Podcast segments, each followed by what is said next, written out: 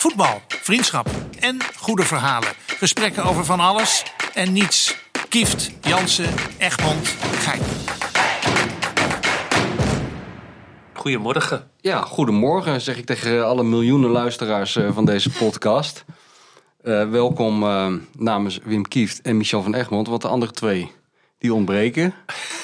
Eh, we zijn in het huis van Rob Jansen. Ja. Er is koffie van Rob Jansen. Er Ja. staan allemaal microfoons van Rob Jansen. Het enige wat er niet is, is Rob Jansen zelf. Die zit namelijk op Curaçao. Die is zich net aan het insmeren met factor Ja. 30. En wij eh, nemen de honneurs waar, Wim. ja, maar dat kunnen wij prima. Ja, toch? Ja, beetje een merkwaardige situatie op tweede paasdag. Ja. In een huis van iemand anders. ja. Ik, eh, nou ja, we kun, weet je, jij zei tegen mij, zullen we het over trainers hebben? En toen heb ik gisteren Peter Bos eh, gezien. Die eigenlijk niet begreep waarom de mensen er zo'n ophef van maakten waarom Peter Bos daar zat. En hij zei, nee hoor, ik krijg twee keer per jaar een eh, uitnodiging. En ik dacht, nou ja, ik had ja gezegd, dus ik ga er maar gewoon zitten. Ja. Maar dat wil niet zeggen dat ik hier een open sollicitatie begonnen ben over event- eventueel interesse, interesse heb in Ajax. Zo raar bij die trainers altijd dat ze kunnen nooit openlijk praten over ontslag. Weet je, als ze dan twintig keer verloren hebben achter elkaar en een Ja. journalist vraagt van ben je bang voor je baantje, dan worden ze gespeeld boos. Ja, En ze kunnen ook nooit toegeven dat ze even in de picture willen zijn om een nieuwe baan te krijgen. Maar wat is eigenlijk het probleem daarvan? nou ja, het is eh, gewoon helemaal... Nee, daar schamen ze zich dan een beetje voor. Maar het is toch op zich... eh, ja, ah, ik vind ook wel als je... Kijk, Peter Bos is natuurlijk geen ehm, Mourinho of zo, weet je. Die Nee. ze overal willen hebben. Dus hij doet gewoon een beetje best, best om, eh, denk ik, toch een beetje Ajax om de druk te zetten. Met name Edwin van der Sar. Ja. Die wel heel veel voor zijn kiezen krijgt de laatste tijd. ja, dat kunnen we. Ik weet niet of dat een goed gespreksonderwerp is in dit huis. Nee. Want we zitten bij de zaakwaarnemer van Edwin van der Sar. Maar ik moet, moet ook altijd een beetje lachen om die man, eerlijk gezegd. Als ik hem in actie zie. Ik vind hem altijd de algemene directeur spelen op de een of andere manier. wie, wie? Van der Sar. Ja, ja. Nou ja. Sinds hij die keepershandschoenen uit heeft gedaan, ja, is hij niet op vooruit gegaan. dat kon hij wel goed. Dat kon hij heel goed, ja. Dat kon wel goed keeper. Zeker, Ja. zeker. Nee, ik dacht over trainers inderdaad. Ik zat erover na te denken, omdat ik volg natuurlijk dat Feyenoord op de voet. Ja. Eh, nu weer omdat ik er een, eh, een boek over heb geschreven en weer met een deel 2 bezig ben. en daar gaat het bij Feyenoord gaat het alleen nog maar over de trainer, Arne Slot. Ja. En eh, ik moet zeggen, ik, ik ben door hem wel anders naar trainers gaan kijken. Iets- Want? nou, ik neem ze iets serieuzer. Ik, ik was voor die tijd was ik een beetje van de school van Jan Mulder, weet je wel. De trainer doet er niet toe. Als hij maar zorgt dat er genoeg gehaktballetjes in de tomatensoep zitten... en niemand ruzie krijgt, dan, dan regelen die spelers dat onderling zelf wel. Maar ik heb bij Slot toch wel gezien hoe groot de factor trainer kan zijn. ja, Of denk jij dat ik me nou laat meeslepen in de Rotterdamse euforie? daar heb jij wel een beetje last van over het algemeen, ja. ja. En aan de slot is een soort eh Ernst Happel geworden hè, in Feyenoord. Dat neemt ongekende proporties aan, maar ook in Nederland.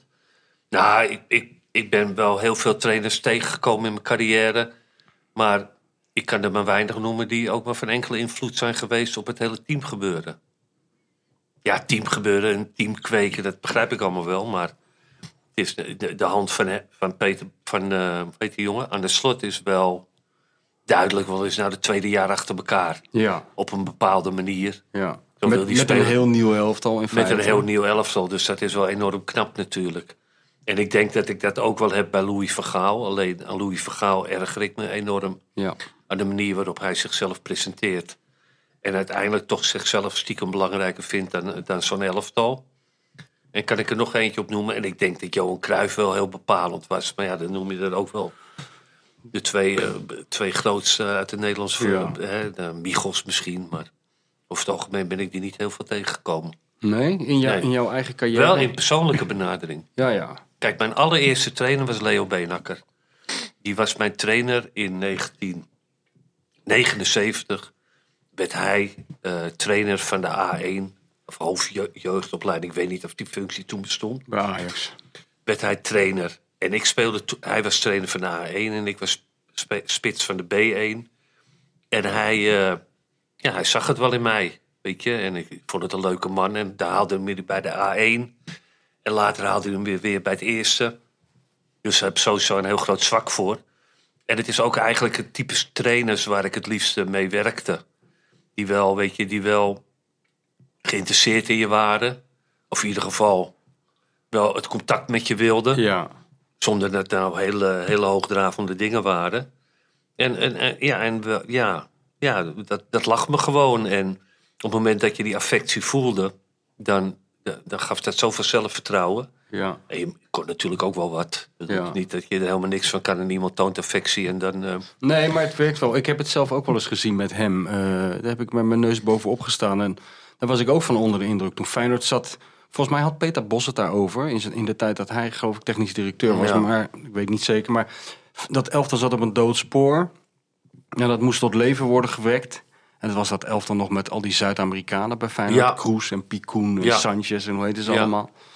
En dat, dat, ja, dat, was een, dat waren allemaal dode vogeltjes. En Benakker verscheen. ja, En ik weet nog heel goed, Kees van Wonderen. eh, of ik had twee periodes benakker door elkaar, weet ik niet. Ik weet nog dat Kees van Wonderen de kleedkamer uitkwam. Echt zoals mensen carré uitkwamen vroeger nadat Toon Hermans had opgetreden, Oh, ja. weet je wel. Echt ja. met tranen in zijn ogen van het lachen. En die zei, we hebben nu een trainer, dat is niet te geloven. En ja, iedereen had er weer, weer zin in. Eh, een, een, een tijd later komen diezelfde spelers naar buiten, gaan ze hem imiteren. Dat is misschien een beetje uitgewerkt. ja. Maar toen heb ik ook wel gezien dat hij echt in staat is om eh, met, met opmerkingen, met praten, met, met aanraken, eh, ja. mensen weer in het gereel te krijgen. Nou ja, maar dat is ook hartstikke belangrijk. Kijk, een trainer gaat jou niet leren voetballen. Hmm.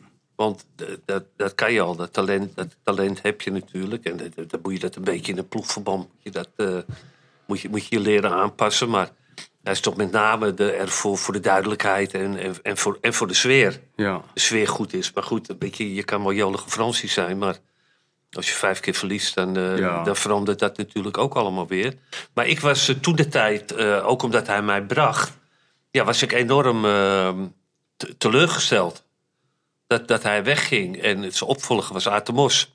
Die was, werd ook weer doorgeschoven van de A1 naar de... Want die was de opvolger van Benakker Ja. bij de jeugd. En die rolde er natuurlijk zo ook een beetje in. En ik moet je zeggen, Atemos in die tijd was een andere Atemos dan, eh, dan dat hij later werd. Ja. Nou ja, later ging hij er een beetje in geloven dat, dat, dat, dat hij een hele goede trainer was. En dan kreeg hij gedragsverandering. Dat heb ik later meegemaakt. Met eerst, hij nam het in de winterstop ongeveer over van, eh, van, van Leo Benakker.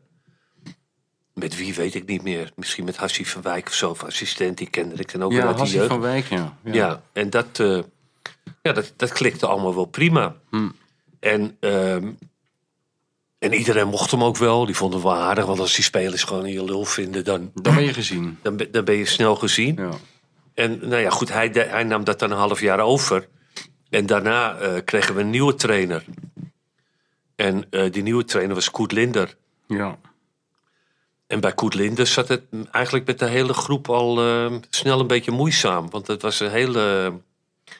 ehm, nou, die- Zo'n Duitse... het is een. Zwitser volgens mij, maar dat weet ik eerlijk gezegd niet. Hm. Ik dacht een Oost-Duitser. Maar dat Een Oost-Duitser weet ik ook niet zelfs. zeker. Nee, dat weet ik ook niet zeker hoor. Nee, maar wij moesten dan... eh, de eerste, het beste trainingskamp gingen we dan... eh, begin van het seizoen gingen we in het Duitse Wald. Ergens in de buurt van Frankfurt.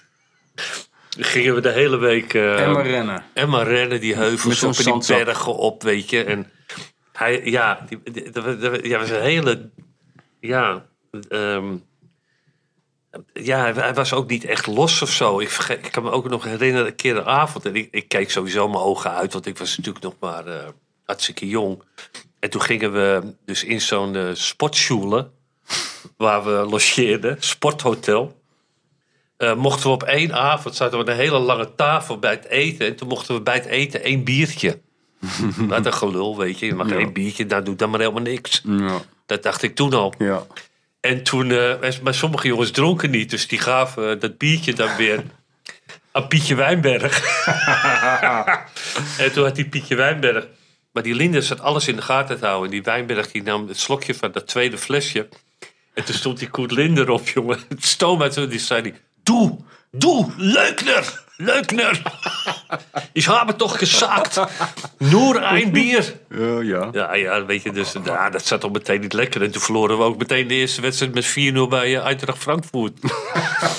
maar goed, gek genoeg. ehm, ging, ging, het gaat over mijn ervaringen. Hè? Ja, ik bedoel, ja. want anders Ja, net die gozer de hele tijd over zichzelf. Nee, dat is de bedoeling. dat is ook de bedoeling. Maar ik, ja, ik speelde toch wel lekker of zo.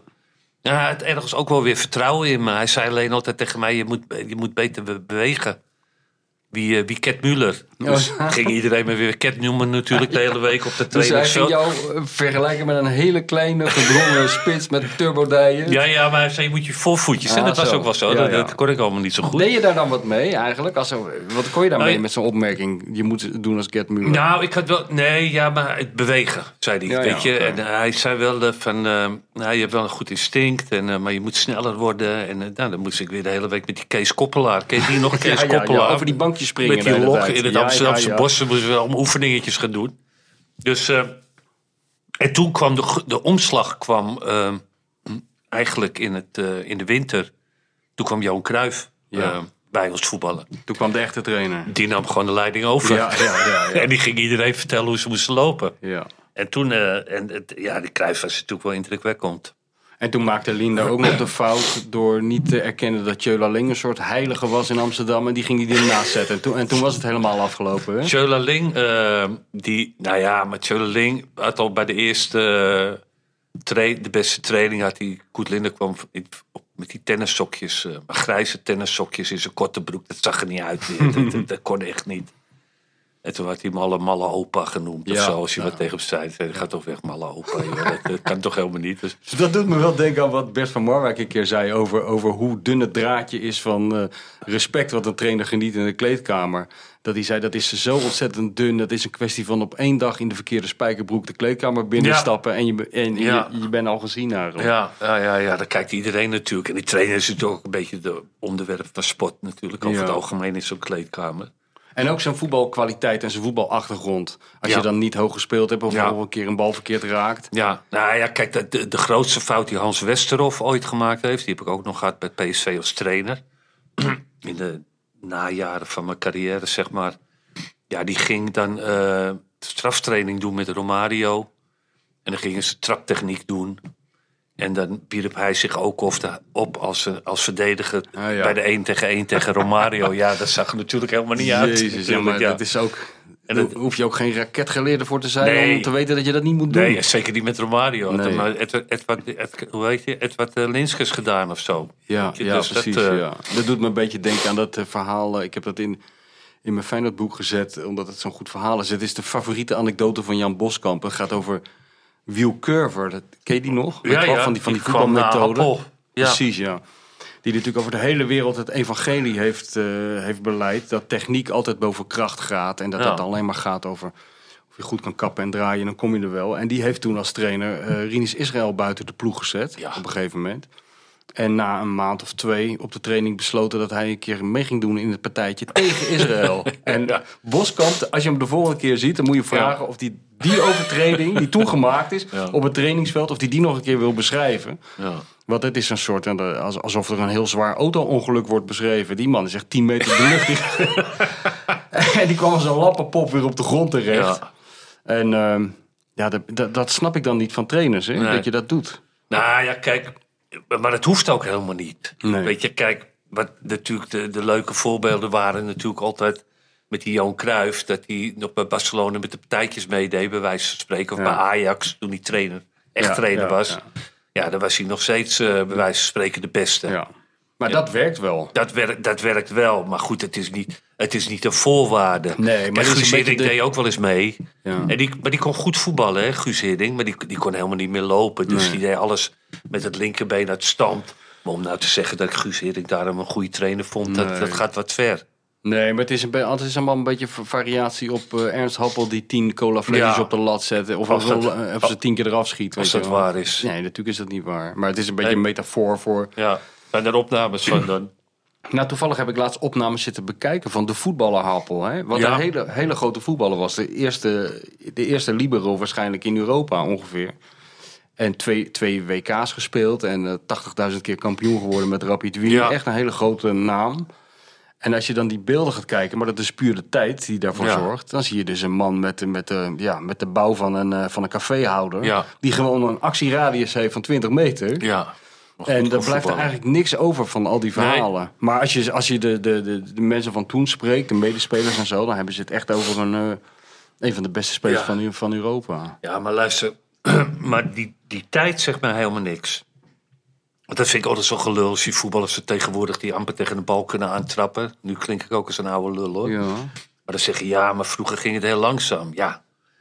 Ja, Nee, maar de moet het 100 in- meter ging ook. Björn. Borg, Björn Nee. Borg zag ik van de week, dat ging ook heel ja, langzaam. Maar ik ben met je eens. alles is natuurlijk ook weer geëvalueerd. Ja, en in ja. die tijd, en de echte goede voetballers, die hadden dan in deze tijd natuurlijk ook. Oh, de, ja, dat ben ik met je eens. Weet je, de, de ontwikkeling, de, de hoe noem Ja, je je moet dat? in perspectief zien ja, gewoon in de tijd. perspectief Ja, zien ja. natuurlijk. Dat, dat verandert allemaal. Ja, ja. Ik zag van de week een documentaire over Ivan Lendl. Oh ja. Dat is overigens een hele leuke gozer. Nou, dat zou je niet verwachten. Nou ja, ga hem kijken. Op, eh, Ja? ik denk op ESPN of op een van de Want hij stond dat als een robot eh, bekend. Ja, ja, maar hij wa- was nu alleen maar het lachen. En, hij was, Oh. en het kwam ook uit dat het een hele vrolijke jongen was uiteindelijk. Alleen had een hele nosse uitstraling. En, en, en dat werd natuurlijk ook steeds meer gevoed door die, door die blik van ja, hem. ja, ja. Ja, dat was gewoon een winnaar. Maar het bleek ook een hele leuke gozer te zijn. Hij is wel de hoofdrolspeler in, denk ik, nou... Ik, ja, ik denk toch wel misschien wel mijn favoriete sportmoment alle tijden. Wat dan? Ja, die onderhandse service van... eh, Michael Cheng. Ja, tegen Ja, Lendl. Nou, vond ik niet leuk. Nee, vond je niet leuk? Nee, joh. Je, vond, je, dat vond je weer... Dan komt bij jou het sentiment boven dat grote topsporters Michael- mogen nooit falen in jouw Michael. Cheng die, eh, die onderhands eh, serveert. Nee, En dat dan het hoofd van eh, Lendl daarna. Ja, ja, ja, ja. Maar voor Nee, mij was je toen... Dat, was dat niet op eh, Roland Garros of zo. Dat weet ik, weet ik dat ook niet meer. Maar gewoon, eh, nee, maar goed. dat vond jij geen respect voor de grote kampioen of zo? Nee, nee, maar ook omdat die Michael... Nee, dat vond ik, dat vond ik niet eh naar behoren. Hmm. Dat, zo hoort dat niet. Nee, lul. maar Die die andere jongen, vind ik... die, jongen die kon niet meer, die had kramp van zijn kruin via zijn balzak zo naar zijn linkerteen. Ja, Die kon gewoon niet meer. Het enige wat hij kon doen was een list verzinnen. En wat doet hij? Iets wat nog nooit iemand heeft gedaan op een tennisbaan. Er zijn dus Ja. miljarden tennissers geweest die telkens hetzelfde hebben gedaan om de tegenstander te verslaan. Ik zie hem als een soort iemand die ter plekke de, de Fosbury flop be- bedenkt, weet je wel. Die gozer die opeens op een andere manier over de lat sprong.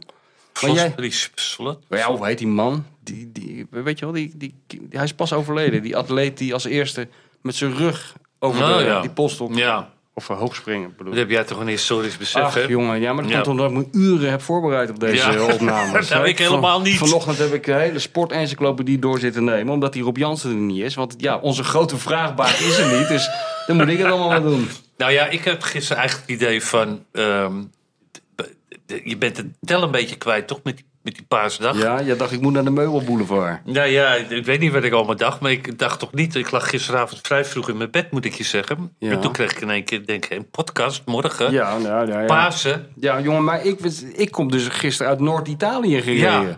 Ja. tien uur lang. Ja. En het eerste wat ik denk als ik thuis mijn koffertje neerzet is... gezellig, morgen podcasten. Dus Ja. ik ging jullie allemaal appen. Nou ja, Ja. De heer Jansen en zijn vrouw... die eh, zijn in verkeer in hele andere sferen. Ja. Meneer eh, Van der Grijp is... eh, die- ja, ik weet niet wat hij aan het doen is in Dordrecht. Eitje, eitjes zoeken. In ieder geval, hier is hij niet. Dus nou ja, daar zitten we dan. Zonder eten. Maar ja, is toch gezellig? Ik vind het hartstikke gezellig. Ja hoor, ik vond het hartstikke gezellig. Beetje vreemd dat we hier moeten afspreken, maar... Ja, nou het huis is wel groot genoeg. Maar dat Ja. hebben we ondertussen ook al honderd keer gezegd. Maar die trainers, ja. Wie kreeg ik nou na... eh, Nou, dus ik had Koet Linde gehad. Met Aten Mos als assistent. Maar En- jij zei net van Aten Mos was eh, wel duidelijk en zo. Maar Ja. de, we- als ik het goed heb begrepen, was de, de, de kracht van Beenakker dat hij jou een beetje als individu zag. Niet iedereen Ja. over één kam Ja. eh, scheren, maar Ja, nee, maar Aad deed dat ook wel in het begin Oh, hoor. toch wel. In het begin deed hij dat wel. Niet, ja, kijk, met de een heb je meer een band dan met de ander. Maar ik moet je zeggen. En hij was natuurlijk ook. Hij had ook de jeugd gedaan, natuurlijk, eh, bij, bij Ajax. En hij zag dat er ook goede jeugd was. Dus ja, maar op, la- op het eind, op- een beetje later, ging hij dat allemaal een beetje naar zich toe trekken. Weet je, Ja, dat ja. hij. eh, van Basten bij Utrecht had weggehaald. En, en eh, Vadenburg. En weet je, en dat- dan ging hij het allemaal een beetje naar zich toe trekken. En dan ging hij een beetje een, een, een, een- ja, dan kreeg je een houding van, ik, ik, ik, ik, ja, ik, ik weet hoe de voetballerij werkt en ik, Ja. ik zie de talenten, dit en dat. En dat was natuurlijk niet altijd heel erg terecht. Nee, maar Want dat Ajax is- had toen natuurlijk ook al een vrij goede jeugdopleiding en voor talenten. ja, ja, ja. Ja, maar dit is natuurlijk ook een, een trekje wat bij de beroepsgroep hoort hoor, denk ik. Ja, Jezelf complimenteren en het succes naar je toe Ja. trekken. Ik bedoel, onze grote kale leider in Rotterdam heeft er zelf ook wel een beetje last van hoor, Arne Slot. ja, Die, ja. die is er ook, maar die is het is een soort Mark Rutte-achtige lenigheid met de taal heeft. Die waardoor Nou ja. niet iedereen doorheeft dat hij de constant eigenlijk zichzelf een compliment geeft. Ja, dat doet Maar hij ik vind wel. het ook maar, wel terecht hoor. maar hij, hij, de- hij deelt ook wel die complimenten. Ja, Dus dit- hij doet dat hartstikke goed. Dat, dat maakt je gewoon natuurlijk geliefd. Ja, ja. Ja. Maar ik bedoel, ik hoorde gisteren in die uitzending eh, met Peter Bos dat ook Petrovic inmiddels heeft gezegd dat het huidige succes van Feyenoord toch ook wel het fundament daarvoor is gelegd toen hij in de Kuip werkte. Nee joh. Ja, dat hoorde ik. met, ja. wie, met wie was hij Ik ook weet- alweer? Met, eh, met Dick Advocaat. Oh ja, met. En ook daarvoor met, met Gullit nog, toen Gullit bij Feyenoord trainde. Ja, maar alle trainers komen er altijd wel eventjes op terug dat Ja. ze daar gewerkt hebben en dat het toen moeilijk werken was. Maar Geen uiteindelijk, geld, geen jeugd. Nee, nee. En die hebben, heb ik die gebracht toen.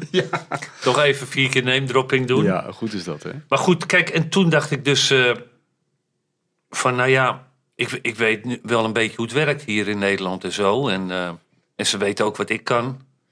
En toen kwam ik natuurlijk in het, eh, in het voetbalparadijs Italië terecht. Ja, nou, dat is een hele andere koek, die trainers en die mentaliteit ja, daar. daar gaat het natuurlijk echt alleen maar om resultaat en om fitheid. En, Ja. om, eh, en ik kwam natuurlijk bij een kleine club terecht. En toen kreeg mijn eerste trainer in Italië was Bruno Paasje. Bij Pisa. Ja, Bruno Paasje heette die. die leek ook wel een beetje Benakker. Die had wel een beetje zo dat profiel wat ook die eh, Pellegrini heeft. Die trainer, weet je. Die, en de-. Zo'n beetje Menotti, doorleefd. dat soort... Zo'n eh, doorleefd hoofd. ja, een hele lieve man. Hmm. En die... ehm, nou ja, goed, die werd eigenlijk al na zes weken een beetje... En bij Pisa... Na zes weken werd hij ontslagen. Nee, na, nee, na vijf maanden. Oh. Maar na zes weken wa- was hij al zo gek gemaakt door die president. Ja. Die elke keer de kleedkamer inkwam als we achter stonden. Nou ja, we stonden altijd achter. Want je speelde bij Pisa. Ik bedoel, Romeo ja, Anconetani. dan kwam hij in de rust. Begon hij zijn tactische bespreking. Was hij heel nerveus. Was die man de hele dag op zijn schouders heen aan het kijken. Ja, dus kwam die kleedkamer. kwam die president die kleedkamer weer iedereen verrot schelden. Hij dus, was een eh, soort eh, Berlusconi avant la lettre, hè? Daar in Pisa en omstreken. Ja, ja. En, en toen kregen we weer... eh, dus die werd ontslagen. Toen kwam de succestrainer van het jaar daarvoor. Die heette Vinicio, volgens mij. Dat was een eh, Braziliaan. Die ook goed had gevoetbald in Italië zelfs. En die werd daar trainer. Nou ja, die was dan... eh, dus iedereen was opgelucht binnen, Ja, die, ja. binnen die ploeg. Want die jongens, die kenden hem Ja. allemaal van vorig. Ik kende die helemaal niet. En, maar die werd ook weer ontslagen. En toen moest Bruno Paasje weer terugkomen. Oh, echt? En dat deed hij ook. Ja, hij stond onder contract. Oh, zo, ja. Stond onder contract. Dus hij moest wel, hij kreeg doorbetaald. Als hij al betaald werd. Ja, precies. Dat was In het natuurlijk theoretische geval dat hij betaald werd, ja. En toen kreeg ik wel een van mijn allerbeste trainers ooit. ehm, dat was Gigi Simoni. Die Ja. heb jij ook nog ja gezien in ontmoet, Italië. Ja. ja. En die, eh, dat was een ingetogen Leo Beenhakker. ja. Die, eh, die eh, veel respect voor, de, voor Nou. die spelers, maar ook en van de spelers nou, natuurlijk. en van de spelers, ja. Maar hij was ook heel corrigerend. Hmm. En wij hadden allemaal hele, hele jonge jongens die als het even lekker ging, weer even gemakzuchtig werden, weet je, of eh, rare dingen gingen roepen of zo. Ja. En die corrigeerde je dan op een hele natuurlijke manier, zonder, Ja. zonder grof te worden of, bommetjes te gooien. Of, eh, Ja, maar hij was ook een grote voetballer geweest, ja, hè? hij was een vrij goede voetballer Ja. geweest. Ja. En hij eh, had ook wel een, goede reputatie als coach zijn, met name van ploegen van Serie B naar Serie A te brengen. Later heeft hij nog de UEFA Cup gewonnen met Inter, met Hij- Ronaldo. Ja, want hij was. eh, de, hij werd. de, ja, met Ronaldo. Ja. Ja. Maar ik, ik weet nog die, die, ehm, die ontmoeting met die man toen ik met jou terug was in Pisa voor, eh, voor ons tweede boek. Ja, Dat we daar op een, een matig verlichte parkeerplaats stonden naast een eh, best wel ook matig verlicht restaurant trouwens. Ja. Wel, voor een topavond, Ja. maar het was allemaal vrij klein en kneuterig. Ja. En, eh, en alle sp- de, de oudspelers verzamelden zich en die hadden die trainer ook eh, 30 jaar niet gezien of zo. En Ja. toen hij aankwam rijden met zijn iets jongere vrouw, Vrouw. Monica. Monica. Monica.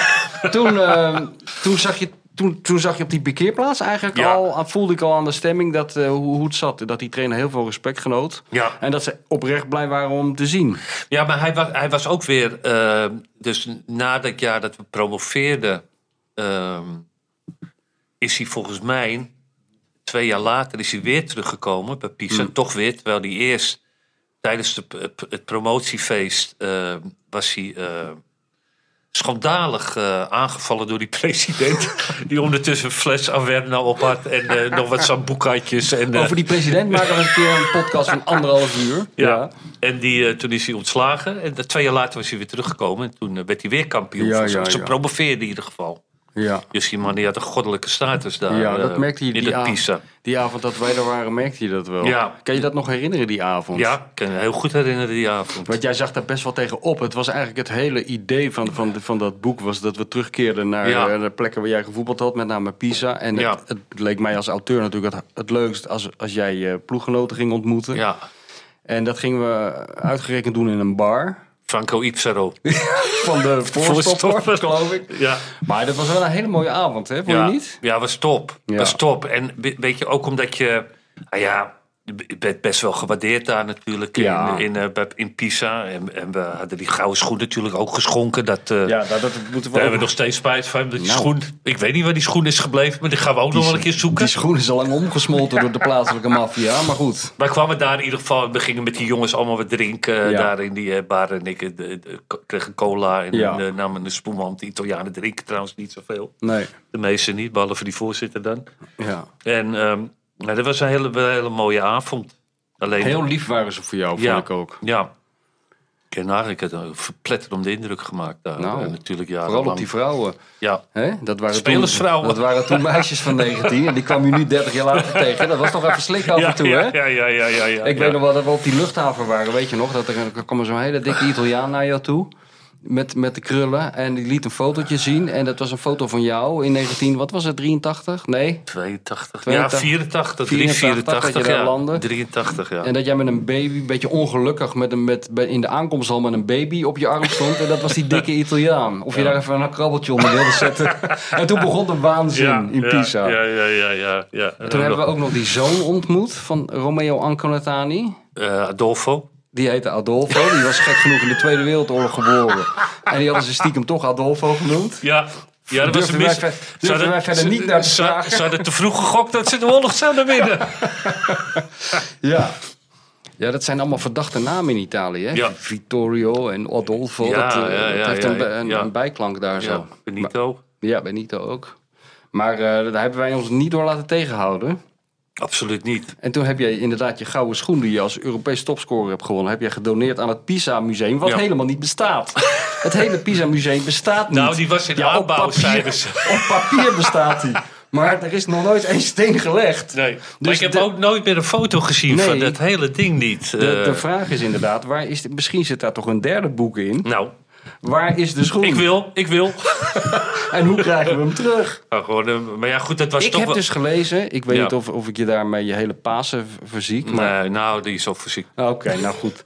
Dan het laatste zetje zal ik je geven. Dat ik heb gelezen op, op eh, Twitter. Iemand, die, eh, dat komt regelmatig voor dat daar iemand, een of andere gek naar Pisa gaat. Ja. En dan naar dat krakkemikkige stadionnetje. wat- Fotootje. Wat Ja. uiteraard het Romeo Anconatani stadion heet. En dan zegt dat hij jouw neef is om gratis binnen te komen bij een wedstrijd. Wat altijd schijnt te lukken. Ik ben, dat is ook een tip voor alle miljoenen luisteraars. Als je in Pisa bent, zeg gewoon ik ben een neef van Wim Kieft. Je kan overal gratis eten, in taxis, in, in stadion. En ehm, die man is ook op zoek gegaan naar die gouden schoen. Niet, niet gevonden. Maar die zegt dat die, dat die schoen 30.000 euro waard is. Ja, Daar hebben we toch niet aan nagedacht. als ik dat toen had geweten. Godsamme. Ja, nee. nee, maar het was gewoon wel... Het was wel spontaan of zo, hoor. Dat, ik, Hartstikke. dat dacht ik. bedoel, eh Ja, dat een mooie toen, tijd gehad. ze vonden het schitterend, want ze hadden er een hele vitrine voor gebouwd. Weet je dat nog? Ja. De hele persconferentie erbij, die jij in vlekkeloos Italiaans eh, Ja. afwerkte. ja, dat deed ik goed. En toen moest je nog naar een speciale talkshow, was daar voor jou op, op poten gezet. Met een... eh, nou, die is trouwens overleden, hè. Eh, Die... ehm, eh, hoe heet die? Ehm, Aldo. Aldo Orsini? Oh, is die overleden? Ik dacht Ja. dat jij... je- je- Nou, dat had ik begrepen. Ik kreeg een bericht uit Italië dat ze een... ja, jij kreeg een bericht uit Italië. of Is hij niet overleden? Is hij niet overleden? Volgens mij is hij niet overleden, nee. Volgens mij was het bericht, we maken een boek over hem. Oh, omdat hij zoveel jaar in het vak zit. Ah, oké. en kan jij dacht- een interview geven. Toen heb jij gezegd gecondoleerd. Hè? Is dat jouw bijdrage aan het boek? ik, eh, voor mij heb ik gezegd dat ik er niet zoveel zin in had. eh, Oh. in eh, weer dat hele Nou ja, we kunnen wel onthullen dat jij die helemaal vergeten was toen we daar aankwamen. Die Die, man- die was die man had verschrikkelijk warme herinneringen aan jou, Ja. de plaatselijke journalist die Pisa altijd heeft gevolgd. Ja. En die droomde nog regelmatig over jou en die was je nooit vergeten. En jij was die man helemaal vergeten. Nou, of niet? Ik, ik was zijn naam vergeten. Zijn naam, Laat ik het zo zeggen. Ik kan me wel herinneren. Hij had namelijk altijd een witte kooltrui aan. en hij leek een beetje op eh, Jan-Joos Vergangelen. Zo groot, weet je. Een Ja, dat is beetje. Zo'n eh, dat beeldige haar had hij allemaal. Ja. En die hebben we eh, samen... Hij had toch een zoon ook? ja, dat was de geluidsman. maar die was niet zo lang. Wat zeg je? Die geluidsman, dat was toch zijn zoon? Nee, die, die, die eh, geluidsman was wat aan de- kleine kant, toch? Ja. die was wat aan de kleine kant. Ah, het was wel heel leuk. Ze hadden ontzettend hun best gedaan. Dat vond ik echt aandoenlijk. Ze hadden Ja. een heel straatfeest en, Ja. en, en oude beelden van jou opgezocht. Waar, vond ik ook leuk om te zien. Ja. Oude vond jij zelf ook leuk. Nou, wat ik me altijd kan herinneren, na afloop van, van de zoveelste wedstrijd die we verloren hadden, met name thuis was dat altijd heel grimmig. Dat je dan na afloop altijd toch nog even doe parolen moest eh, Ja, ja. zeggen. Doe parolen, zeiden ze altijd. ja, eh, ja. Canale 50. En Maakt er niet uit wat, als er maar waren geluid zo- we, waren altijd verdrietig en we, hadden altijd, eh, we waren depressief. En dus zagen de beelden van terug. Dat was wel leuk. Maar ik heb daar ook nog een wedstrijd gespeeld. Op een gegeven ogenblik. Met het Olympisch elftal. Ja. Ehm, tegen speelde ik mee bij het Olympisch elftal. En nou, ten eerste vond die voorzitter dat eh, wel, dat was in mijn eerste jaar, eh, een enorme eer eh, dat er een, sowieso een, nationale van ploeg van Olympisch tegen Pisa wilde spelen. En ten tweede had hij ook zoiets, nou, dan kan, dan kan hij laten zien dat hij wel iets meer kan dan die, dat, als hij in die Nederlandse ploeg speelt, dan dat hij tot nu toe heeft laten zien. Ja.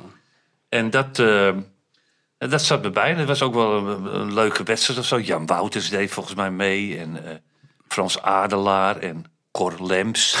Corlems. En die hebben nogal... Ik, ik had toen zo'n autootje van die club. ehm, een Simca of zo. Ik weet, ik weet echt niet meer wat voor auto dat was. En dan vroegen die gasten, die zaten in zo'n hotel. Van het Nederlands elftal. Ja. Of ze mijn auto dan mochten lenen. Want ze wilden nog even op stap. Ik Ja. dacht, nou ja, doe maar. Maar ik weet niet waar je op stap wil gaan. Want er is hier namelijk helemaal niks in Pisa waar, je, rijden. waar je op stap kan gaan. Nee. Dus eh, nou, dat staat me allemaal nog wel bij. Nee, want het, was, het, kon, het kon ook van een grote eenzaamheid zijn daar, hè? Wel. Ja. En, en een grote Ja. verveling die Ja. je hebt gekend daar. Nou ja, de- de- nou ja, maar wij zijn er ook geweest. Weet je? De, de, de, de- er was niet heel veel. En wat er was, stond onder controle van, eh, Van de grote van, voorzitter. van de grote voorzitter en zijn Soda Dolfo. Dus jij kon geen kant op eigenlijk. nee, ze wisten ook alles. Je mag ook de stad niet uit. Ja. zonder toestemming. En die gasten, die, jongens, die kwamen overal vandaan. De een kwam uit Bari, de ander kwam Ja. uit Rome, eh, eh, Milaan. Een beetje, En die wilde allemaal pasta bij de moeder eten eigenlijk af en toe. Nou, met paasdagen bijvoorbeeld. Ja. Of eh, weet je, maar wij- wij- ja, dat, dat, dat, dat moest je echt toestemming voor vragen. En als je weg was gegaan zonder toestemming, wisten ze het ook meteen. Ja. Ja, dus het was best wel een beetje een. eh, Het staat er wel onder een. eh, Vergrootglas. Ja, Grappig. Ja, ik heb ook wel eens zo'n voorzitter ontmoet in Italië in, in eh, Terni. Bij de club Ternana in de. Serie B. Dat was Gassel. Ja, Van Gassel was daar eventjes, heel eventjes. eh daar Ja. was ik met hem mee. Ik kan me ook nog herinneren, die man die zat in de lobby van, van het eh, hotel. Toen kwam ik daar aan en toen zei hij van... eh, die zat te praten met een soort plaatselijke Johan Derksen. De, de hoofdredacteur of de sportredacteur van die plaatselijke krant. En toen zei hij, kom eens even hier, ik wil je even voorstellen. Hij zegt, dit is een hele belangrijke journalist. Een van de belangrijkste journalisten van Italië. En ook een van de beste, want hij weet alles en hij schrijft niets op. Ah. ja, en ja. ondertussen namen ze nog samen een cognacje, weet je ja, wel. ja, dat is onvoorstelbaar, hè? Ja. Ja, ja, ja. Nou ja, maar ik moest ook wel weer lachen dan dat ik dat eh, van het Fortuna Sittard meekreeg. Die twee dagen te laat hun salaris eh, hadden gekregen. Nou ja, wij kregen... Het enige wat wij kregen... eh, wij moesten meestal wel gemiddeld vier, vijf maanden wachten op salaris. En dan schreef hij dus allemaal checks, uit- checks uit. Dat is zeg maar, het is eh, januari. Dan kan je in april Ja. kan je het salaris van januari gaan halen. Hier heb je vast je cheque. Ja, dan stond je dan als lulletje. Rozenwater daar bij, dat, bij die bank. Ja, sorry, maar die check is, die check is niet gedekt. Nee.